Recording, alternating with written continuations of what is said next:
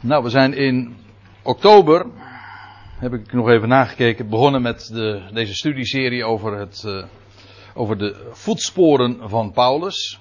En inmiddels, zoals u ziet, de dertiende avond. Waarbij we de weg van Paulus volgen, maar dan zoals dat beschreven is in het boek Handelingen. En inmiddels hebben we een veertiental hoofdstukken al van het boek Handelingen gehad. Dat zeg ik nu niet helemaal correct natuurlijk, want we zijn begonnen sowieso in Handelingen 7. Daar, we hebben ook nog een aantal hoofdstukken uh, geskipt, omdat, uh, niet, omdat daar niet zozeer Paulus' voetsporen worden gevolgd. Maar in elk geval, uh, in Handelingen, de laatste maanden hebben we ons bezig gehouden met die eerste zendingsreis van Paulus. Laten we nog even terugblikken. Handelingen 13 en 14, dat, die beide hoofdstukken beschrijven Paulus' eerste zendingsreis. Zo wordt dat uh, altijd genoemd en ik denk niet ten onrechte. Per slotverrekening, Paulus was uitgezonden vanuit, zo lees je dat in Handelingen 13 vers 1 als ik me niet vergis, of 13 vers 2, vanuit Antiochië. Dus het was met recht een zendingsreis. Het is de eerste zendingsreis en dan moet u zich ongeveer, als, om een klein beetje een tijdsbeeld daarvan te hebben, dan moet u denken aan 748 van onze jaartelling. Een tweetal jaren heeft dat ze ongeveer in beslag genomen. En ze begonnen dus in ze, en daarmee bedoel ik dus Paulus en Barnabas. In aanvang, dat is wel aardig natuurlijk, dat is ook een van de dingen die we hebben gememoreerd, maar dat is ook al een hele tijd geleden inmiddels. Dat uh, bij het begin van die zendingsreis de naam van Saulus veranderd is consequent in Paulus. En uh, ze gingen aanvankelijk uit Antiochië als Barnabas en Saulus en ze komen terug als Paulus en Barnabas. Een hele opmerkelijke wisseling ook van rol. Paulus neemt daarbij een hele prominente rol, eigenlijk ook vanaf het moment dat hij Paulus is geworden of dat hij als Paulus wordt beschreven. Antiochieën, die naam betekent in plaats van. En dat Gie, dat heeft dan te maken met het werkwoord hebben, dus in plaats van hebben. Niet Jeruzalem heeft het meer, maar in plaats van Jeruzalem, de hoofdstad in Gods ogen in elk geval, is het nu Antiochieën geworden. De grote metropool, een stad van de natie. En daar begon de zendingsreis. En in, aan het einde van handelingen 14 eindigt die reis daar weer. Omdat Paulus en Barnabas daar dan weer arriveren. Een tweetal hoofdstukken in ongeveer tweetal jaren zoals gezegd. Om nog eventjes een idee te hebben van hoe dat dan gegaan is. Ze begonnen hier dus in Antiochië. En dan gingen ze vervolgens naar Seleucië en dan steken ze over. Dit vinden we dan in de eerste versen van Handelingen 13 dan beschreven. Gaan ze oversteken naar Salamis. Overigens, dit was het eiland waar Barnabas van origine ook vandaan kwam. Dat lezen we in het begin van het boek Handelingen. Cyprus. Hij was een Cypriot. Dan trekken ze het eiland door en komen ze aan in Paphos. En dat is een belangrijk moment, want dit is de plaats waar Saulus dus Paulus werd. Oftewel, dit was die plaats ook waar de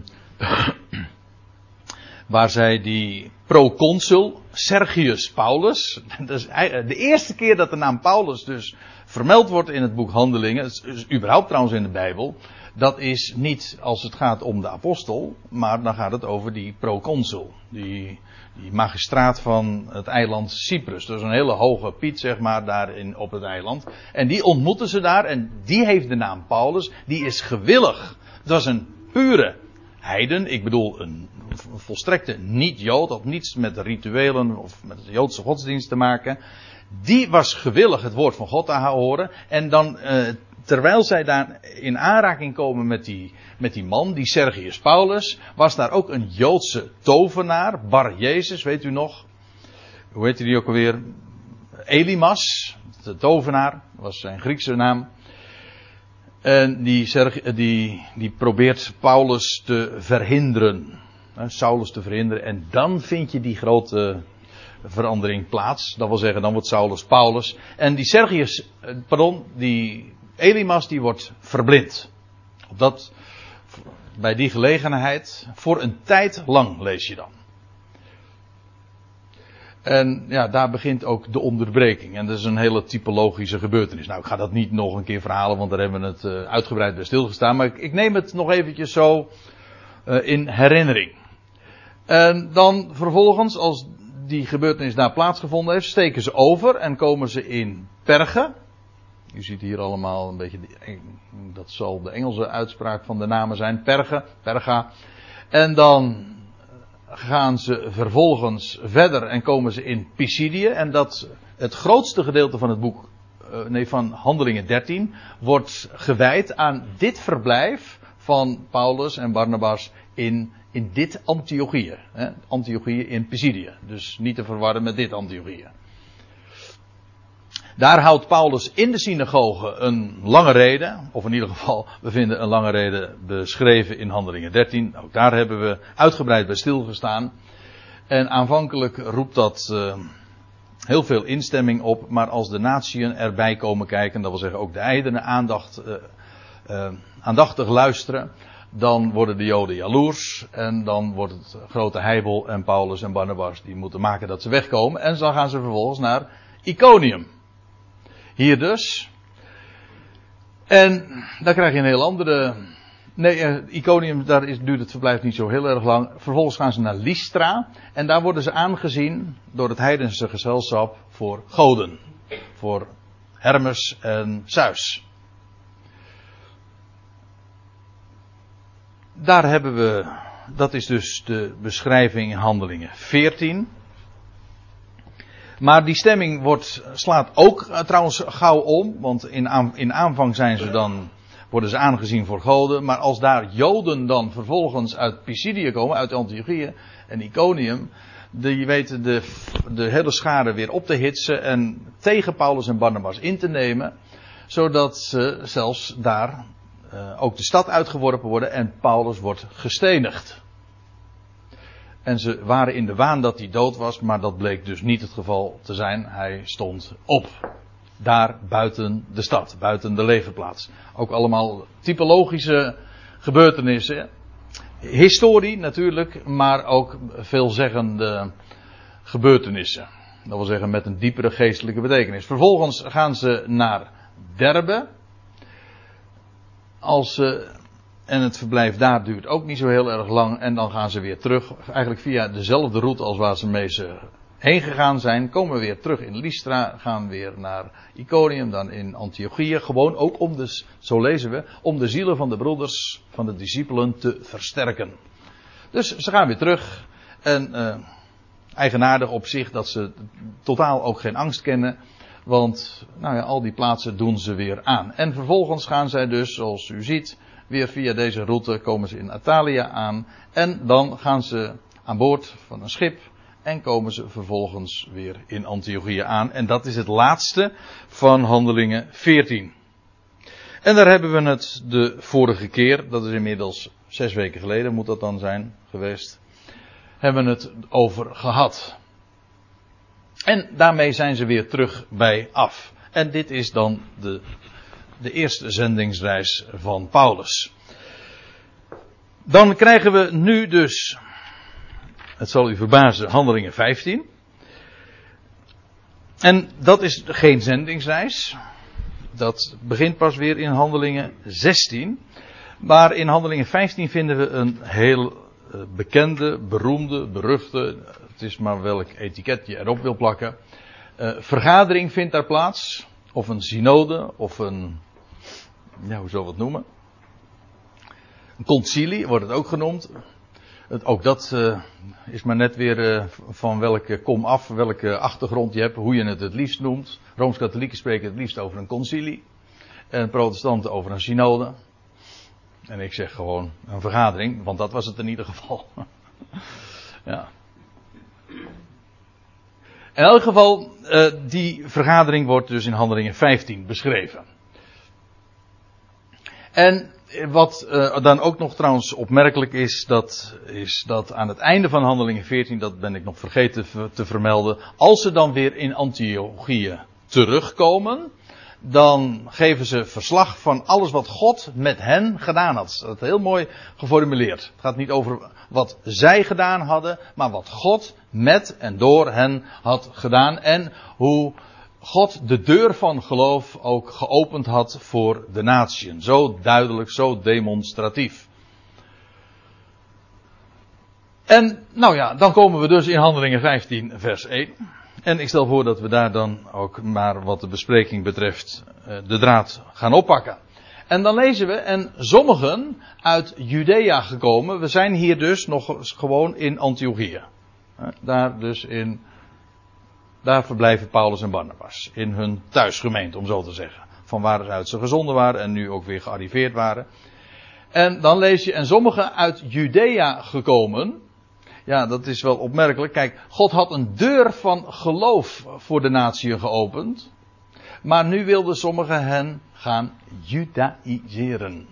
Want dat is de kwestie die in dit hoofdstuk uitgebreid aan de orde zal komen. Judaïseren, dat is een term. Dat is een hele mooie term.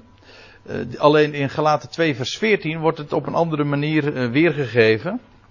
Misschien kunnen we het even opzoeken. Want ik heb er nou verschillende keren die term gebruikt, zonder het even toe te lichten. Maar er staat in Galaten 2 vers 14. Dat Paulus Kevas, dat is Petrus, ten aanhoren van alle berispt en sterker nog uh, hem openlijk in zijn gezicht uh, weerspreekt. En dan zegt hij, indien gij, ik ga nu even, even voorbij aan de hele context, maar dan zegt hij tegen Petrus, indien jij, die een Jood bent, halverwege vers 14 van Galaten 2, indien jij, die een Jood bent, naar heidens en niet naar Joods gebruik leeft, hoe kunt gij dan de heidenen dwingen zich als Joden te gedragen? En dat zich als Joden te gedragen, daar staat in het Grieks één woord, namelijk te judaïseren. Dat iseren, dat is ook een, eigenlijk een Griekse vorm. Maar er staat dus te, ja, wij zouden zeggen te verjoodsen. Ze, ze wilden de natieën verjoodsen. En inderdaad, dat komt er in de praktijk op neer dat ze uh, de, de heidenen als joden willen laten gedragen. Maar de term is, ze wilden die heidenen gaan judaïseren. Maken als degenen die van Juda waren. Of van, u weet het, het woord jood komt van Juda. En daarmee is uiteraard ook weer samenhangend Judea. Ja, God had een deur van geloof geopend. Dat wil zeggen, puur het aanvaarden en het beamen van een geweldige mededeling, een bericht, een goed bericht. En zij wilden wetten gaan opleggen. Judaïseren. Maar ik loop een beetje uh, erop vooruit, maar ik vind het wel interessant om dat eventjes nu al te zeggen, omdat hier staat, ze kwamen uit Judea. Goed. En sommigen uit Judea gekomen leerden de broeders, dus, dus nog sterker dan alleen maar dat ze iets, een bewering deden. Nee, ze, ze onderwezen ook daadwerkelijk daar in Antiochië. Ze leerden de broeders daar, in Antiochië dus, indien jullie je niet besnijden, indien gij u niet uh, besnijden laat naar het gebruik van de Jood, pardon, uh, nou moet ik het wel goed zeggen, naar het gebruik van Mozes, kunt gij niet behouden worden. Bij dat behouden volk behoren. Het gaat hier dus in de eerste plaats om de besnijdenis. We zullen straks ook zien dat het ook uh, gaat om het leven naar de gebruiken van Mozes. We zullen dat in de navolgende versen ook zien. Maar hier gaat het nog strikt om de besnijdenis. De, het eerste symbool bij uitstek, de deur waardoor je eigenlijk toetreedt tot het volk van Israël, tot Juda. Hoe word je een Jood? Wel, dan moet je toch echt beginnen met je te laten besnijden. Wel, dat is precies wat die gasten uit Judea daar leerden in Antiochië. Namelijk aan de, de gelovigen uit de natieën. Indien jullie je niet laat besnijden naar het gebruik van Mozes, dat wil zeggen zoals dat in de boeken van Mozes staat onderwezen. Ik weet dat sommige mensen hier dan lezen van ja, naar fariseïsch gebruik. Uh, dat dat, dat een, een, traditie van mensen zijn, zou zijn. Maar uh, als ik gewoon lees wat hier staat, dan uh, maak ik dat er totaal niet uit op. Het gaat hier gewoon, indien gij u niet laat besnijden naar het gebruik van Mozes. Dat was zoals Mozes dat geïnstrueerd heeft in zijn boeken. De Torah, de, de boeken van Mozes. Wel, dan kunt gij niet behouden worden. Met andere woorden, dat is wat zij dus beweerden. We zullen straks ook zien dat die gasten uit, uh, ik zeg het een beetje oneerbiedig, en dat bedoel ik eigenlijk ook zo, uh, dat uh, ze, ze kwamen uit de partij van de fariseeën. Dat blijkt uit, uit de navolgende versen. Maar in elk geval, zij beweerden dus buiten het volk van Israël om, en dus buiten toetreding van via de besnijdenis, kun je niet behouden worden. En ik moet u zeggen, als ik het zo zeg, dan doet het me toch wel heel sterk denken aan uh, een leer. Die ook in uh, het volk dat zich Israël waant. En ook echt officieel leert dat Israël is. Die zeggen ook zoiets. Die zeggen alleen van in de plaats van de besnijdenis is de doop gekomen. En in plaats van het volk Israël is de kerk gekomen. Dus het is, de piketpaaltjes worden allemaal wat veranderd. Maar het wezen, dat is eigenlijk ook wat men uitdrukkelijk zegt. Het volk is Israël is nu de kerk, geestelijk Israël, en het ritueel van de besnijdenis is de doop geworden. En buiten de kerk, dat is zelfs een officiële rooms-katholieke frase, en ook gewoon vrolijk overgenomen door de protestanten, buiten de kerk geen zaligheid. Geen behoud. En hoe kom je bij de kerk? Hoe, hoe word je een christen? Wel, dat is alleen door dat ritueel te ondergaan, namelijk dat in de plaats van de besnijdenis zou zijn gekomen. Ja, daar zit een hele theologie natuurlijk achter. Dat natuurlijk, dat weet ik, niet direct hier aan de orde komt. Maar ik wil toch eventjes gewoon wijzen op de parallel. Hè? Dat zij, hier lees je dus uh, van die ritualisten. Zij, dat, dat betekent dus mensen die een ritueel benadrukken. En zelfs zo sterk benadrukken. Dat als je dat niet ondergaat. Dan hoor je niet bij het volk van God. En dan kun je dus niet behouden worden. Dat is wat hier staat. Dat is wat zij niet alleen beweerden, ze leerden het ook. Nou, en dan gebeurt er iets wat je wel zou mogen verwachten, hè, als je de apostel Paulus enigszins kent. Dan staat er, en toen er van de zijde van Paulus en Barnabas geen gering verzet en tegenspraak tegen hen ontstond. Dit doet heel sterk denken wat je, aan wat je leest in eh, Galaten 2. Daar gaat het trouwens over dezelfde dingen. Ook over Antiochieën en eh, het bezoek vervolgens aan Jeruzalem. Over diezelfde tijdspannen. Wat je in Handelingen 15 leest, dat, dat is aanvullende informatie voor Galaten 2 of vice versa. In ieder geval, dat zijn hoofdstukken die eh, elkaar completeren. Het een is opgetekend door Paulus, het andere is opgetekend door Lucas. Maar daar staat ook, is geen, geen gering verzet, niet weinig tegenspraak. Er staat in gelaten 2, wij zijn voor hen, die dat dus leerden, geen ogenblik gedwee uit de weg gegaan. Waarom? Opdat de waarheid van het evangelie, van het goede bericht, ook verder bij u zou blijven. Daarom. Dus Paulus ging daar ging daar eh, met een gestrikt been, zoals we dat dan zeggen, vol in. En hier, dit was, dit was geen terrein waarin hij compromissen wenste te sluiten. Hij was de Joden een Jood, een Griek en een Griek. Maar als het ging om de waarheid van het evangelie, kon hier niet, absoluut niet mee gesjoemeld worden. En dat hij er uh, niet altijd vrienden mee gemaakt heeft. Nou ja, dat blijkt in, uh, in Gelaten 2 vervolgens ook wel. Want hij kreeg het zelfs aan de stok met Jacobus en Petrus.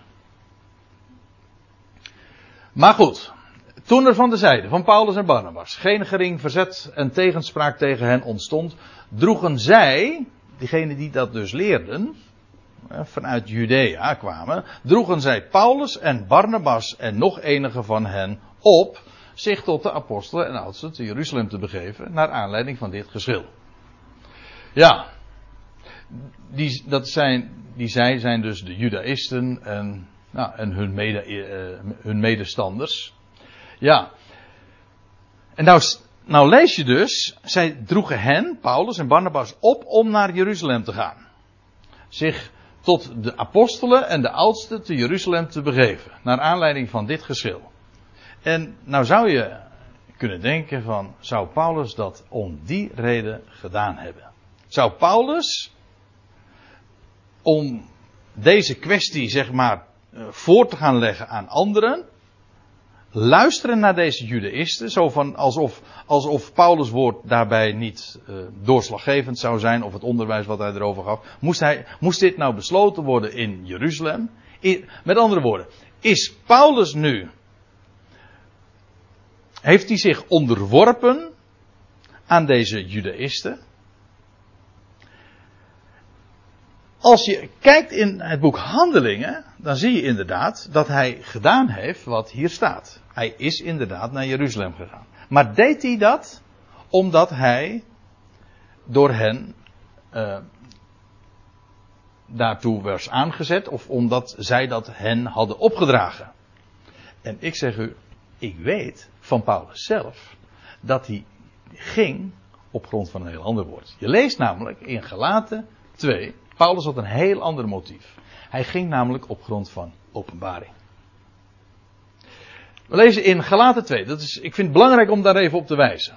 In Galaten 1 en 2 vinden we een aantal bezoeken die Paulus heeft gebracht in Jeruzalem. Eigenlijk die twee hoofdstukken zijn vooral dienen er ook uh, toe om, om, om zijn punt te maken, namelijk dat Paulus' bediening niet van een mens is, nog door een mens en ook niet van Jeruzalem uit geïnstigeerd is of opgedragen. Nee, het staat eigenlijk los daarvan. En Paulus zegt, eh, wat hij laat zien is dat hij nauwelijks contact heeft gehad met Jeruzalem. Of in ieder geval niet significant. Sterker nog, hij, zegt dan, ja, ik werd geroepen op de weg naar Damascus. Ik ben, geen, ik ben niet ogenblikkelijk naar Jeruzalem gegaan, naar degene die voor mij, reeds voor mij apostelen waren. Nee, hij ik ben eerst naar Arabië gegaan. En pas drie jaar later is hij naar Jeruzalem gegaan. En dan zeg je van, nou ja, en ik heb eigenlijk geen van de apostelen ontmoet. Nou ja, ik ben vijftien dagen bij Petrus geweest om mijn verhaal te vertellen. En ik heb alleen Jacobus nog gezien, zegt hij dan. En voor de rest is hij er niet meer in Jeruzalem geweest, om die reden. En pas veertien jaar later is hij weer een keer naar Jeruzalem gegaan. En dat is deze um, gebeurtenis, dus in Handelingen 15. Dat is dus veertien jaar na zijn roeping. Niet veertien jaar na zijn eerste verblijf in Jeruzalem, maar veertien jaar na zijn roeping. In elk geval, dan lees je, daarna ging ik na verloop van 14 jaar weder naar Jeruzalem. En staat er met Barnabas. En nam ook Titus mee. Dat is dus hier waar we nu zijn in Handelingen 15. En daar staat erbij, en ik ging op grond van een openbaring. U ziet hier letterlijk, ik echter, je ziet het, dat, eh, er staat niet het woordje, het gewone koppelwerkwoord en, maar er staat een, een woord dat een tegenstelling uitdrukt, namelijk echter. Ik ging, ik ging op, namelijk omhoog, hè, want dat is een weg de, de berg in. Ik ging echter overeenkomstig openbaring, apocalyps, hè, onthulling. Dus hij ging naar Jeruzalem. Met Barnabas en Titus, dat was trouwens een heiden, dat was geen Jood, geen, eh, geen besneden man. En die nam hij mee, maar Paulus ging op grond van een openbaring. Dat echter ik, of ik echter, dat is veelzeggend. Dat betekent dus, uh, zij misschien niet, zij gingen wellicht omdat het opgedragen was. Maar Paulus ging op, niet omdat de Judaïsten hem daartoe geforceerd hebben. Maar op grond van een openbaring. De Heer heeft het hem zelf, hoe dan ook, uh, onthuld. Dat is uh, het woord wat hij in dit verband gebruikt. Ik vind toch uh, een, een, prachtige aanvullende informatie. Want anders krijg je in Handelingen 15 toch een beetje een merkwaardig idee. Dat Paulus, die zo kaarsrecht voor de waarheid van het evangelie staat en die helemaal niet hier meer mee wil sjoemelen. Zo van nou, ik moet het eerst eens een keer in een vergadering in Jeruzalem nog eens even bespreken. Nee, hij ging inderdaad naar Jeruzalem, maar niet omdat zij hem daartoe forceerden, maar omdat hij daartoe een openbaring van de Heer heeft ontvangen. Ik ging op grond van, of overeenkomstig een onthulling. Daarom. Zo zie je, als je schrift met schrift vergelijkt, word je toch wijzer, nietwaar?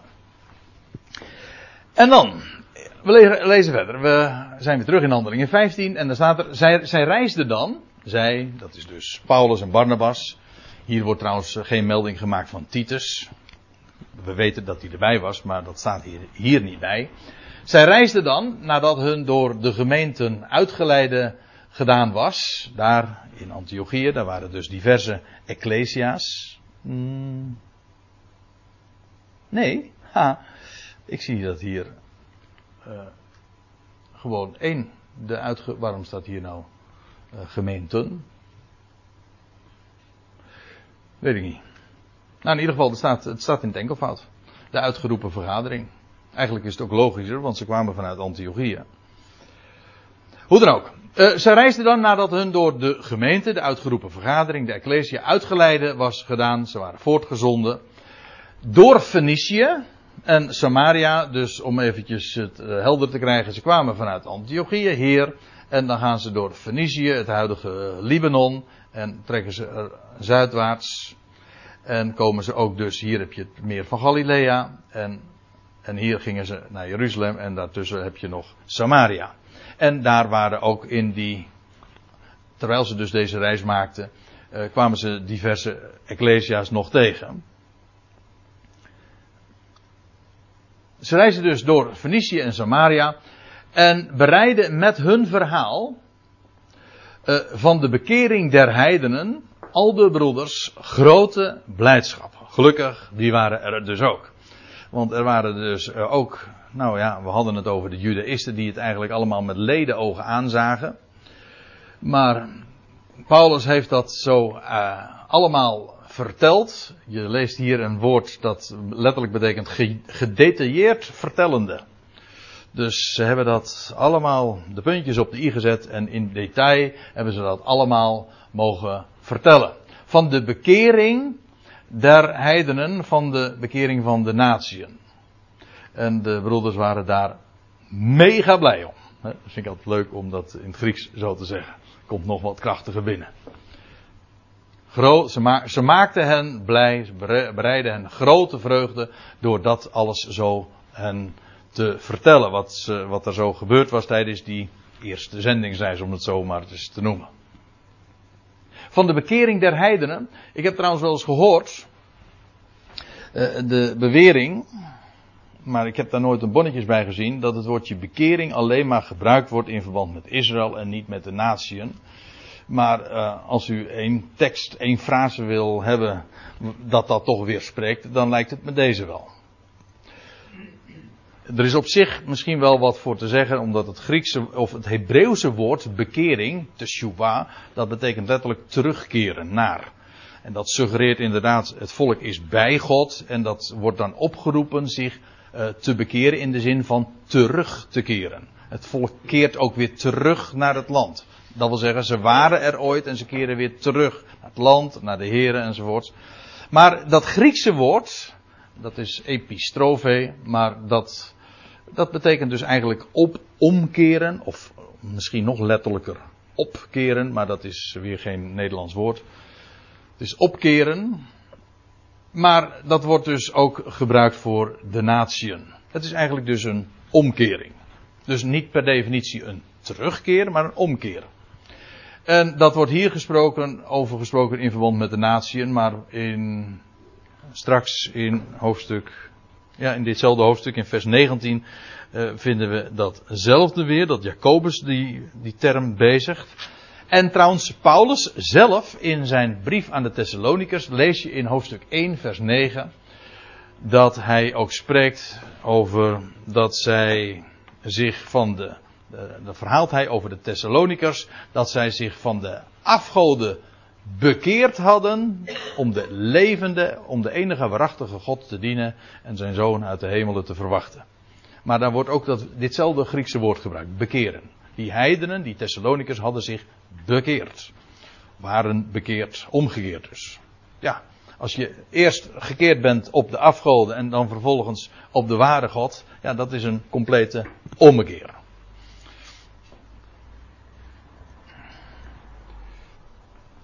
Dus die bewering van bekering dat het alleen maar een Joods begrip zou zijn, die, uh, dat kan ik niet uh, gestaafd vinden.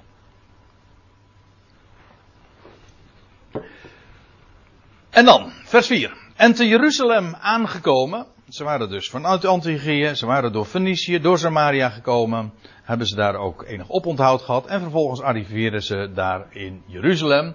En dan lees je, ze werden daar door de Ecclesia al daar en de apostelen en de oudsten ontvangen. En als hier staat de apostelen, dan hoeven we niet per definitie aan alle twaalf te denken, of eventueel het gezelschap is nog groter hoor. Feitelijk wel 72 zou je er kunnen aanwijzen. Of in ieder geval kunnen, uh, ja, toch kunnen noemen. Maar één, één ding is zeker. Uh, Jacobus, Petrus en Johannes waren daarbij. Dat weten we ook weer vanuit datzelfde gelaten 2.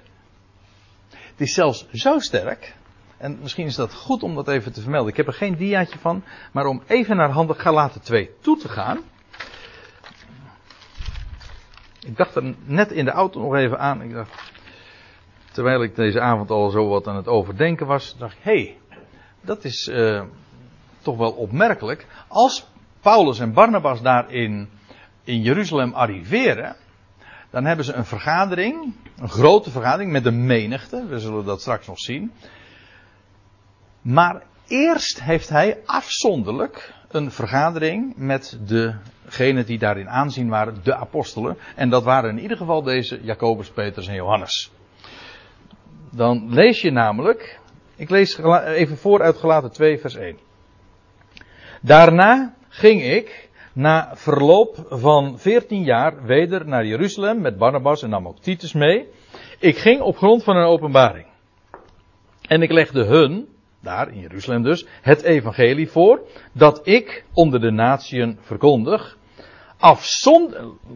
afzonderlijk echter, en om deze woorden gaat het me nu even, afzonderlijk echter aan hen die in aanzien waren, opdat ik niet vruchteloos liep of gelopen had. Het laatste lijkt een beetje uh, wat cryptisch. Maar in ieder geval, Paulus achtte het dus nuttig om eerst met deze afgevaardigden van de Heer zelf, apostelen, betekent afgevaardigden van Christus zelf, om afzonderlijk met hen in elk geval uh, dingen ook te bespreken. En we weten ook, uh, want deze vergadering, de hele vergadering die in Handelingen 15 zo uitgebreid vermeld wordt, daarvan is geen sprake in Galaten 2. Het enige wat we lezen is dat Paulus daar een afspraak maakt met Jacobus, Petrus en Johannes. Paulus was het evangelie van de besnijdenis toevertrouwd. Aan Petrus dat van de, van de voorhuid. Ik zeg het natuurlijk nu helemaal verkeerd. Het is precies omgekeerd. Aan Petrus was het evangelie van de besnijdenis toevertrouwd, zoals aan Paulus dat van de voorhuid. En dan maken ze die afspraak in Galaten 2, vers 7 tot 9. Paulus en Barnabas, zij zouden naar de natieën in het algemeen gaan en, en Jacobus, Petrus en Johannes zouden zich beperken tot de besnijdenis.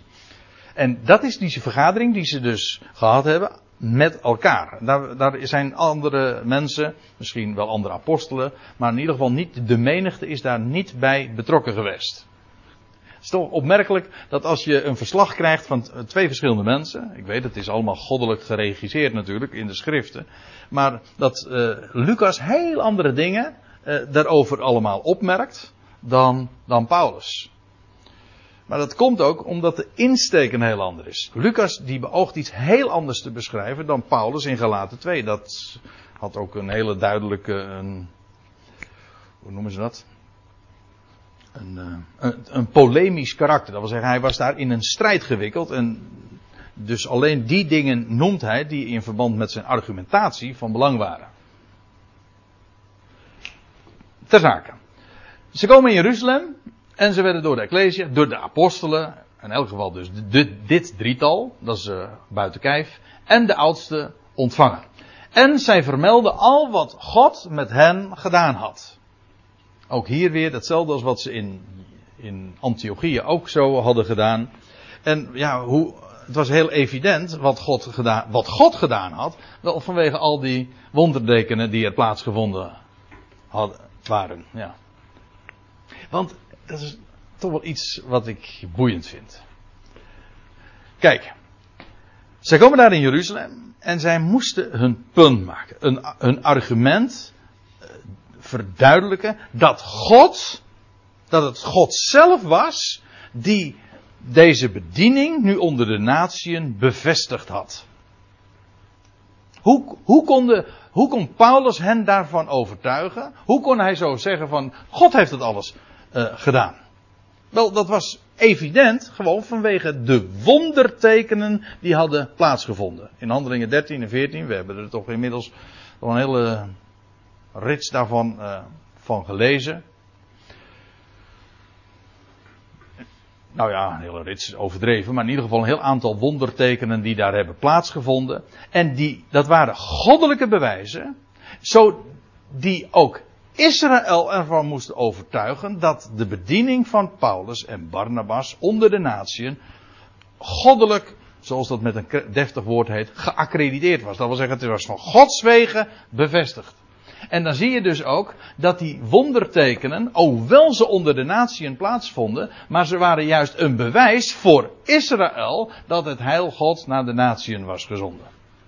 Dat zijn woorden uit uh, het slot van het uh, boek Handelingen. Daar zijn we voorlopig nog niet. Maar ziet u, uh, het is van belang dat ook die wondertekenen onder de natieën van Paulus, zoals beschreven in het boek Handelingen, van belang waren om Israël ook te overtuigen en het bewijs te leveren dat het woord en de bediening die ze hadden uh, van Gods wegen ook was bevestigd. We komen daar uh, nog ook, uh, misschien vanavond ook op terug. Maar in ieder geval, hier lees je dat. Ze vermelden al wat God met hen gedaan had. Maar, er stonden uit de partij der Fariseeën, en die partij, daarvan zegt Paulus later in Handelingen 26, vers 5, als die voor Agrippa staat, dan zegt hij, die, die partij van de Fariseeën, waar die zelf toe behoorde trouwens, van origine was Paulus een Fariseer. Hij zegt, het, is de, het, is, het was de meest nauwgezette partij van onze godsdienst. Je had allerlei stromingen binnen het Jodendom, zoals je stromingen binnen het christendom hebt en de islam. Zo heb je ook stromingen binnen het Jodendom. En daarvan was er één, die van de Fariseeën, en dat was de meest nauwgezette. Had ook de Sadduceeën, de Herodianen. Uit de buitenbijbelse bronnen kennen we de Essenen ook. In elk geval, dit was zo'n partij. Of eigenlijk staat er letterlijk. Ja, een heresis, dat is een, uh, een secte. De secte. Uh, wat helemaal niet zo naar uh, in het Hebreeuws of in het Grieks klinkt dat minder naar dan bij ons. Gewoon een partij dus. Maar er stonden uit de partij van de Fariseeën enige op die gelovig geworden waren. Dat wil zeggen gelovig in het goede bericht dat Jezus de Messias was. En die zeiden dat men hen moest besnijden. Hen, dat wil zeggen de natieën. Maar in dit geval ook, en dat is dan ook weer leuk om dat, die informatie van Galaten 2 erbij te betrekken. Daar was Titus ook bij. Paulus had Titus meegenomen. En Titus was eigenlijk een soort testcase. Hè? Nou ging Paulus naar Jeruzalem, om even zo in strijdbare termen te spreken. Het was het hol van de leeuw. Daar kwamen die gasten uit van uit Judea? Die, die Judaïsten. Nou, nou neemt hij Titus mee. Een, een, iemand die geloofde in het evangelie. Maar een heiden. Gewoon niet Jood. Niet kosher, niet besneden. Nou. Maar deze mensen uit de partij van de Fariseeën, die zeiden dus dat men hen moest besnijden. Het is, u ziet het, hè? het is bindend hen te besnijden. U ziet, men moest. Daar was geen ontkomen aan voor hen. Het was bindend hen te besnijden en hen opdracht te geven, hen te gebieden, de wet van Mozes te houden. Hier zie je trouwens ook weer, er wordt hier helemaal niet gesproken over, de, over allerlei bijkomstige talmoedische tradities en dergelijke. Het gaat hier gewoon over, zij werden gedwongen, of in ieder geval opgedragen, uh, de natieën te besnijden en hen te gebieden, daar, dat hangt er dan direct mee samen, ook de wet van Mozes te houden, de Sabbat, de kosher-wetgeving in verband met eten en drinken, enzovoorts, enzovoorts. De, alle feestdagen. En kortom, alles wat in de wet van Mozes staat. En die wet van Mozes, u weet het, dat was die wet die God aan Israël had gegeven. Maar ja, wat uh, er nu aan de hand was, ja, nu waren er mensen gelovig geworden en nu zeiden deze mensen uit de partij, deze partij van de Fariseeën, ja, nu moeten zij ook, net als wij, de wet besneden worden en vervolgens ook de gebruiken van de wet van Mozes houden. U ziet, uh, dit is een, een kwestie die al heel oud is. Zeer oud. Ik moet er ook bij zeggen, in Handelingen 15 is daar ook zo'n luid en duidelijk geluid daarover te horen. Hoe het is, hoe Paulus hierin stond en hoe hij trouwens daar in de hele vergadering ook meegekregen heeft. Unaniem zijn we een besluit genomen. Namelijk, men is niet gezwicht voor deze eis. Absoluut niet. En het is zo mooi dat niet alleen Paulus dat laat horen, maar juist ook. Uh, natuurlijk, Paulus die heeft daar natuurlijk dus een volle instemming aan gegeven. Maar het zijn juist Petrus en Jacobus die hier de aanzet toegeven. Maar opnieuw loop ik nu weer een beetje vooruit, want dat moeten we nog zien. In ieder geval, dit was uh, de, wat, wat, er wat er van deze partij van de Fariseeën geëist werd. Dat was hun bewering. Je kan in ieder geval hen niet verwijten dat ze onduidelijk waren in hun wens of in hun eis. Dat was volstrekt helder. Ja, ik vind het eigenlijk wel mooi om, uh, om dit hoofdstuk nu ook uh, te bespreken. Want uh, deze kwestie, u zei, ik had het er zojuist al over. De, de, hele christenheid is ook in grote mate gejudaïseerd. We, ik zei al, er zijn zoveel gebruiken overgenomen uit het Jodendom.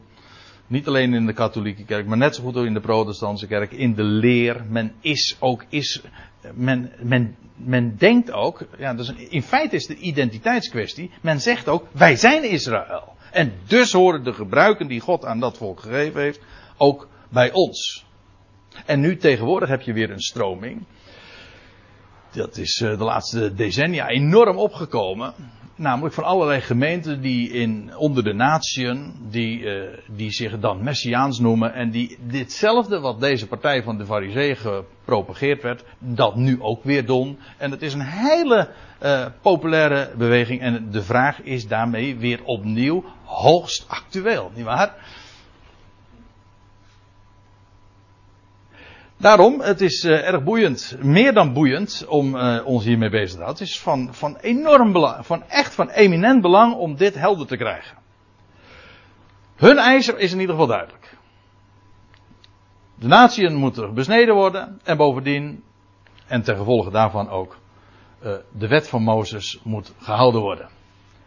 En de apostelen en de oudsten, zij vergaderden over deze aangelegenheid. Ik moet er trouwens bij zeggen, het was beslist geen, uh, geen besloten vergadering. Want er staat hier weliswaar de apostelen en de oudsten. Die beleggen deze vergadering. Maar we weten uit, hoofd, uit vers 12 dat er sprake is van een menigte. Ja, kijk nou niet in uw MBG-vertaling, want daar staat weer vergadering. Maar er staat echt menigte.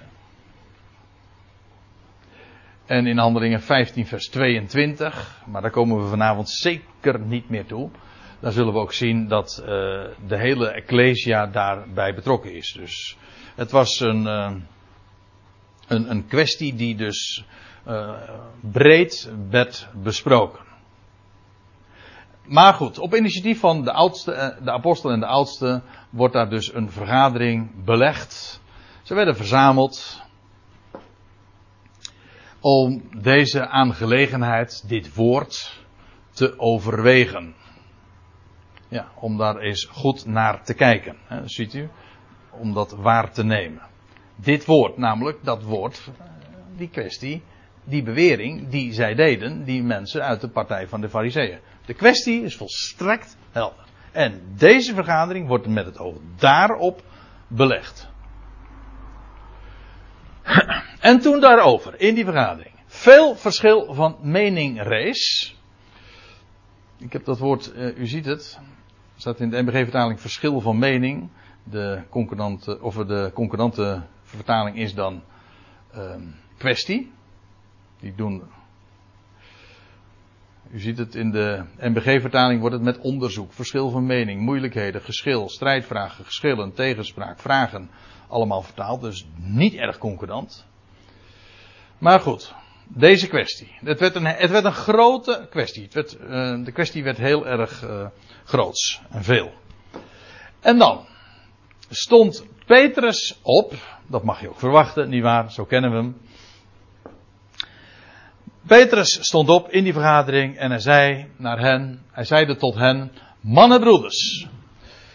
Jullie weten, want hij spreekt in meervoud, zoals u ziet. Jullie weten, jullie zijn op de hoogte dat God van de aanvang af, vanaf de dagen van de begintijd, ja, dat was inmiddels al heel lang geleden, want hij refereert nu aan een gebeurtenis dat al zo ongeveer tien jaar terug was. Die, die, die bekering van het huis van Cornelius. Dat is handelingen 10. Maar dat is ook al. Dus tussen handelingen 10 en handelingen 15 zit pakweg 10 jaar.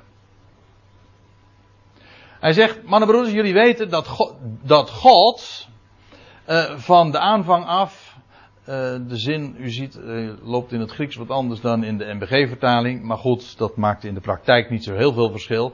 Hij zegt dat God, de God, mij onder jullie heeft verkoren. Paulus, of pardon, Petrus was daartoe, was uitgekozen bedoel, ze waren allemaal uitverkoren, zou je kunnen verdedigen. Maar hij was uitverkoren. Eigenlijk moet je altijd eh, de vraag stellen als je het begrip uitverkiezing gebruikt. Uh, uitverkoren tot wat? In de, in de theologie en in heel veel kerken en kringen is het eigenlijk de vraag: ben ik uitverkoren? En als je dan de vraag stelt tot wat? Dan is dat ja, dat, hoort, dat is eigenlijk buiten de orde, want je bent uitverkoren of niet. En dat betekent in de praktijk dan, dan ga je naar de hemel. Maar uitverkoren, Petrus was uitverkoren. Dat is een unieke uitverkiezing, want hij was namelijk verkoren, opdat door zijn mond, hij zegt, hij zegt dus, opdat door mijn mond de natieën zouden horen. Ja, dat is leuk, hè? Want wij uh, bevinden ons in een gezelschap en ik maak daar zelf uh, natuurlijk ook deel van uit. Wij zeggen van, via wie is het woord naar de heidenen gegaan? Dan zeggen we, wedden dat u, als we even dit gedeelte niet hadden besproken, had u gezegd Paulus. Maar hier zegt Petrus, ik ben verkoren. Hè? Jullie zijn ervan op de hoogte. God heeft mij uitverkoren, opdat door mijn mond de natie het uh, het woord van het evangelie, het woord van het goede bericht zouden horen. Zo, nou hoor je het ook eens een keer uh, van Petrus.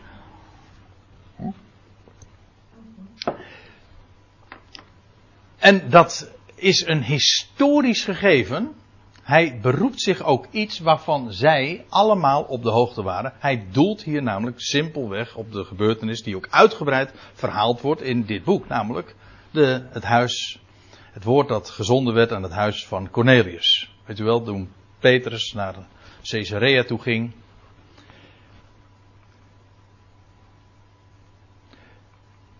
Ja, en waarom? Dat heeft ook al hele oude papieren, want het was ooit in het, helemaal in het noorden van Israël, in Caesarea Philippi, dat Petrus, aan Petrus ook de sleutels waren toevertrouwd. En het is Petrus iedere keer die dus een, echt een sleutelfunctie ook vervult in de prediking van het evangelie. En hij is de eerste die naar de natieën gaat. Nou ja, je kunt natuurlijk verdedigen van was Cornelius dan een heiden? Jazeker. Maar het was inderdaad een proseliet. Een godvrezend man. Te midden van het volk. Ook daarin groot aanzien van, van het volk van Israël. Maar in ieder geval, je begrijpt dat God dat niet voor niks zo gedaan heeft. Want juist door die, door wat via Petrus in het huis van Cornelius is gebeurd, is een opstap, juist ook voor de bediening van de apostel Paulus. Feitelijk is wat Petrus nu zegt. Petrus plafeit hier eigenlijk ook uh, de weg voor Paulus. Want juist doordat Petrus dit gedaan heeft, hij zegt dit nu ook, juist om Paulus, die vervolgens het woord gaat nemen, om Paulus daarmee ook alle credits te geven. Zeg van wat hij doet, dat is uh, namelijk naar de natieën gaan, dat uh, is van Gods wegen al door mij ook ingezet. Ja, ik zie dat het inmiddels 9 uur is. Ik, ik stel voor dat we eerst even gaan pauzeren. Dan pakken we de draad straks op bij vers 8 na de pauze.